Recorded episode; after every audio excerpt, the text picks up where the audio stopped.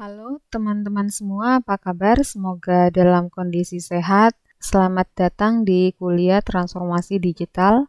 Hari ini di pertemuan perdana, kita akan membahas secara umum saja tentang pengantar transformasi digital, industri apa saja yang terpengaruh oleh transformasi digital, serta pengaruhnya terhadap kegiatan industri. Nah, apa sih transformasi digital itu? Teman-teman mungkin sudah membaca di handout materi yang telah disediakan di Bismart atau membaca di berbagai literatur.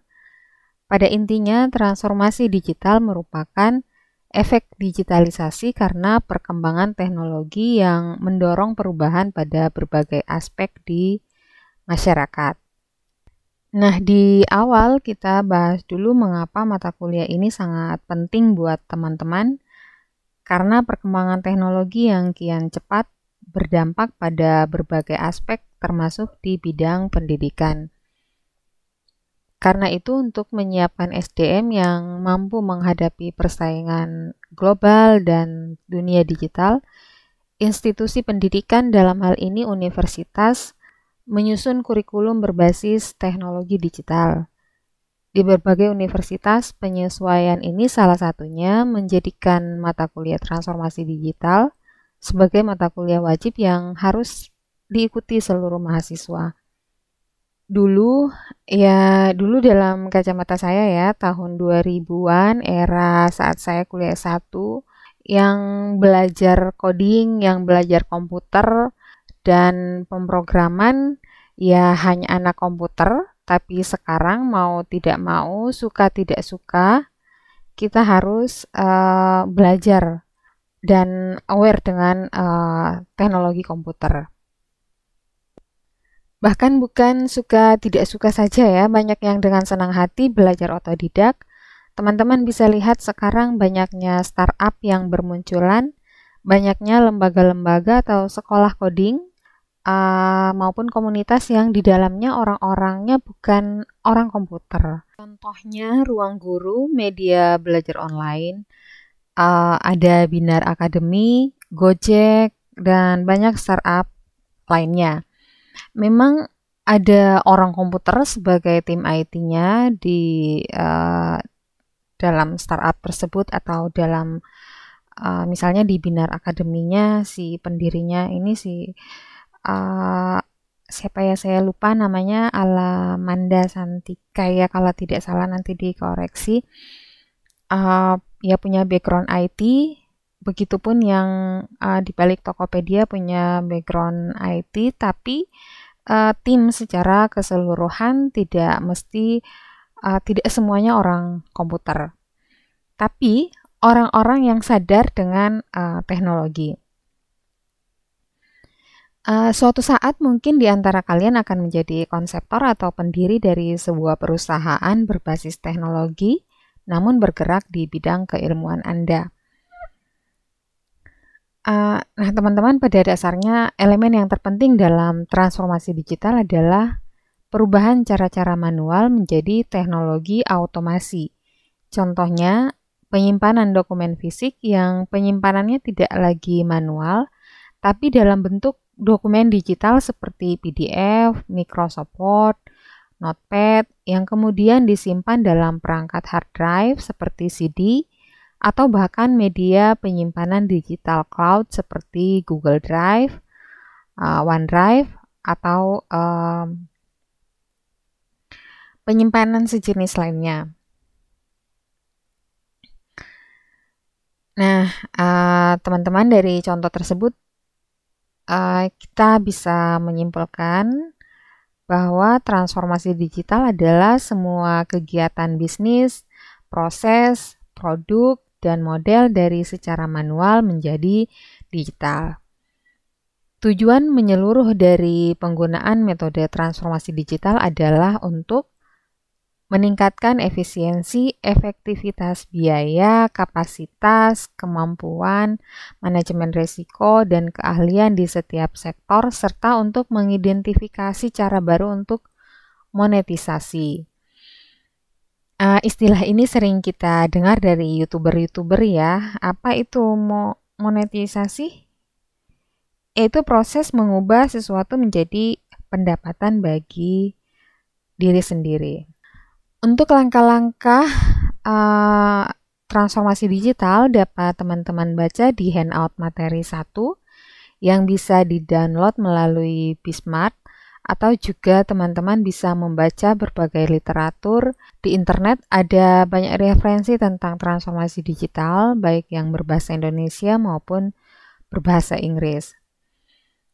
Nah, uh, ada beberapa industri-industri besar yang dipengaruhi oleh transformasi digital di antaranya asuransi, perbankan dan keuangan, kesehatan, manufaktur, teknologi informasi, perjalanan, transportasi, dan uh, logistik. Kita bahas beberapa contoh di antaranya ya. Uh, pertama, digitalisasi di bidang asuransi. Ini sudah banyak dilakukan. Dalam sebuah berita online tertanggal 22 Oktober 2020 yang saya baca menyebutkan bahwa Tercatat setidaknya di tahun 2020 ada 38 transaksi asuransi dilakukan melalui kanal digital.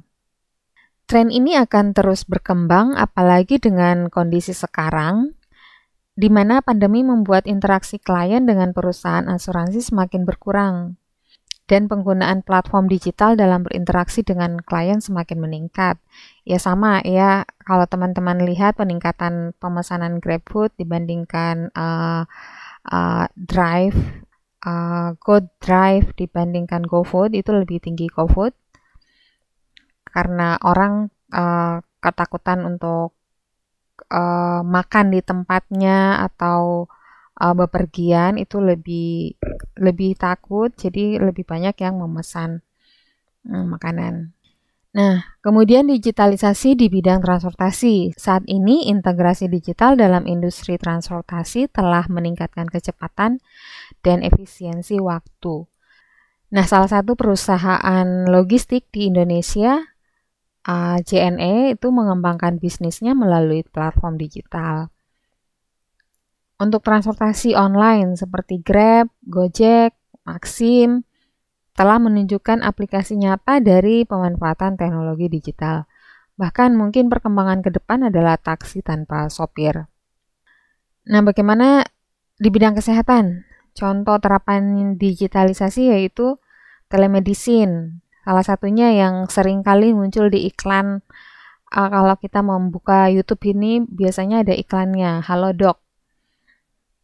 Dan uh, contoh lainnya, pemanfaatan kecerdasan buatan untuk mendeteksi beberapa penyakit seperti retina, jantung, dan berbagai penyakit lainnya.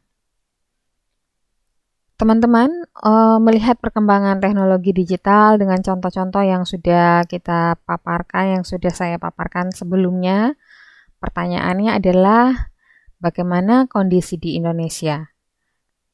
dengan kemajuan teknologi. Uh, ternyata kita belum siap sepenuhnya dengan revolusi 4.0. Kita memiliki tantangan yang besar karena wilayah Indonesia yang sangat luas, serta kesenjangan telekomunikasi di daerah-daerah terpencil. Ya, contohnya saat ini yang sedang kita lakukan adalah pembelajaran uh, daring. Ini tidak semua uh, teman-teman bisa mengikuti. Kalau teman-teman yang sedang pulang kampung dan kampungnya di tempat yang sangat susah sinyal, ini ya tidak bisa mengikuti dengan maksimal. Artinya eh, tentang pemerataan infrastruktur IT itu belum belum merata, sehingga eh, saya pikir kemajuan teknologi harus diimbangi dengan regulasi yang adaptif dan pemerataan infrastruktur IT dan edukasi terhadap masyarakat. Mengapa hal ini harus diperhatikan? Karena terkait dengan alasan uh, pentingnya transformasi digital. Baik, kita bahas pertama, mengapa transformasi digital sangat penting, yaitu uh, acceleration of change, yaitu laju perubahan digital meningkat secara eksponensial, sehingga sangat sulit untuk mempertahankan posisi kepemimpinan industri dan membutuhkan percepatan solusi digital baru yang dibawa ke pasar.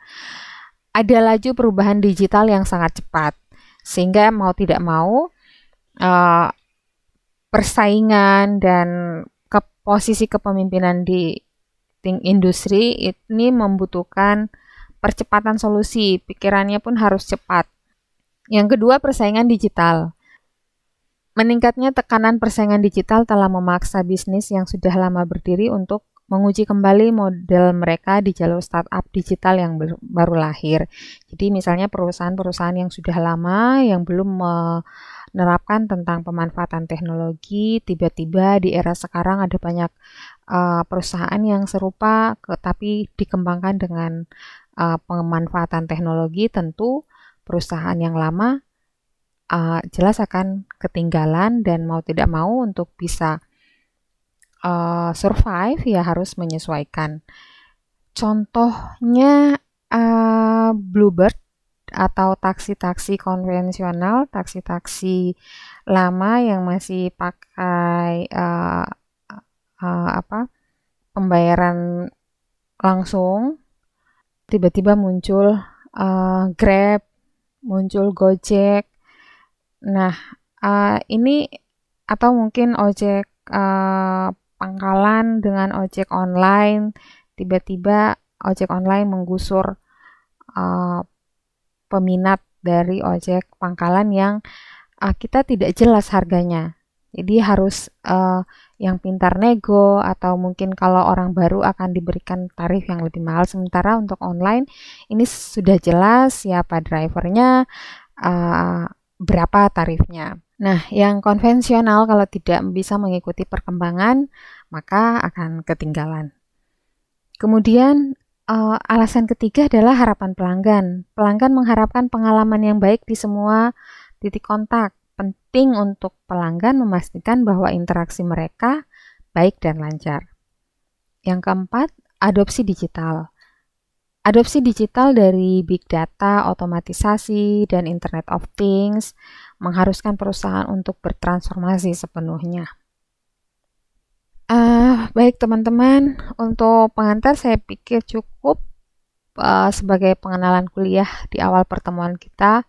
Kesimpulannya bahwa uh, digitalisasi berarti mengintegrasikan sejumlah komponen untuk meningkatkan konektivitas atau hubungan, uh, memberikan wawasan yang berharga untuk efisiensi juga, efisiensi waktu, serta efektivitas.